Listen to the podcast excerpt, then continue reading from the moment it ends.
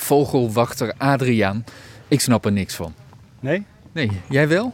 Wa- Ja, ik weet niet waar je, waar je het over hebt. Ja, nee, nee, dat snap ik ook, dat je dat nog niet snapt. Maar we gaan het over duiven hebben vandaag. Speciaal verzoek van jou.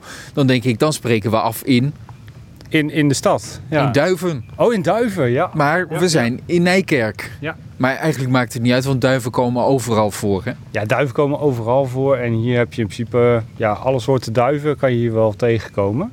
Ik denk de houtduif natuurlijk, eh, de holenduif en de Turkse tortel. Ja, dat klopt. En dan heb je ook nog de stadsduif. Maar dat is eigenlijk geen officiële soort. En je hebt de zomertortel. Maar die is super zeldzaam. Dus die, die zullen we waarschijnlijk niet treffen.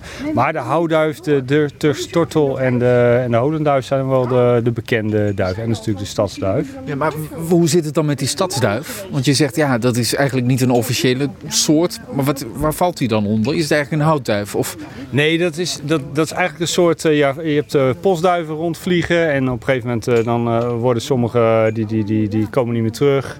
En die, eh, die, die zitten dan. Ja, op een gegeven moment. Ja, wat, het is gezellig. We zijn hier niet alleen in de vroege ochtend. Kijk, koffie met appeltaart. Ja, dan ben ik helemaal afgeleid. eh. vogelaars die nemen vaak appeltaart als ze, als, ze iets, eh, als ze lekker op pad zijn en ze stoppen ergens. Het is nu niet eind van de dag, dan, eh, dan is appeltaart wel een lekker ding- lekkere tractatie. En helemaal als je ook nog een nieuw soort hebt gezien. Maar dan moet je eigenlijk tracteren op een jaar. Dat, dat, dat is iets onder vogelaars, dan moet je Dat tracteren. gebeurt, dat is traditie. Dat is traditie. Oké, we hadden het over die stadsduif nog even. Eh, en je zegt dat is eigenlijk, nou, moet ik het zien van een, een tamme soort die verwilderd is? Ja. Dus iemand, die of iemand, een duif die in volières werd gehouden. Ja, of van die postduiven inderdaad. En die zijn op een gegeven moment gewoon, eh, ja, zijn, er, zijn ze niet meer teruggekomen. En die hebben een plekje in de stad gevonden. En ja, het zijn een soort Ja. tamme duiven. Maar Dus alle duiven op de dam. Alle duiven op de dam inderdaad. dat die, zijn- die duiven. Ja. Je, je hebt ook een telefoon bij je, dat is leuk. Daar kun je foto's mee maken. Je kunt ermee bellen ook in Ja, sommige ook. Gevallen. Je zou het bijna vergeten. Maar je hebt ook het geluid in staan van de verschillende soorten duiven. Wat is wel leuk om, om die verschillen te horen. Want je kunt ook horen met welke duif je te maken hebt. Hè? Ja, ja, klopt. Je kan eh, verschillende, kijk, allemaal koeren ze, zo noem je dat, eh, de roep van de Ja, duif. roekoe.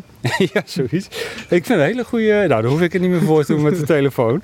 Nee, even alle gekheid op een stokje. Maar hier hebben we bijvoorbeeld het geluid van de houtduif.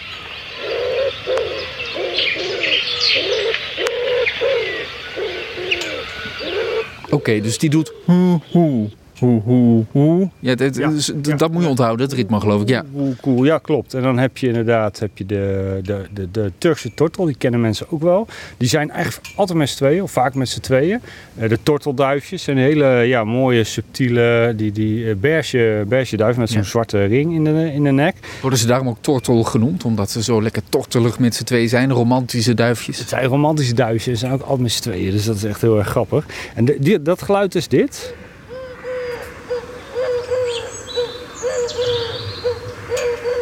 Dus iets sneller.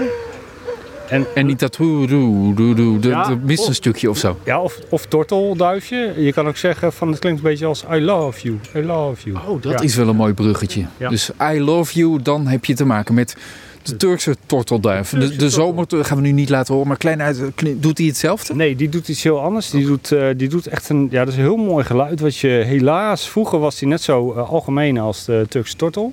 Eh, ook ongeveer 50 tot 60.000 broedparen. Maar die maakt dit geluid.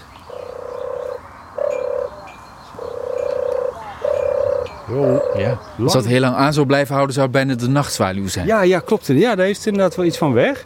En het wordt eh, omschreven als sonor en dromerig. Ja, het heeft wel iets ook, als je, als je dat hoort als vogelaar, dan word je wel heel erg blij. Maar er zijn er nog maar een paar honderd van in Nederland. En dat is ook de enige duif die eh, wegtrekt. Dus die trekt naar Afrika. Ik hoop niet dat we hem zien vandaag, want dat kost me dat vast appelgebak. Ja. Ehm, nog eentje geloof ik om, om Dan te heb- laten horen. Dan zit onze tijd voor nu er ook wel op, denk Ja, ik. dat denk ik ook inderdaad. De holenduif. Dat is ook een mooie, mooie duif. Prachtig. Vlek in de nek.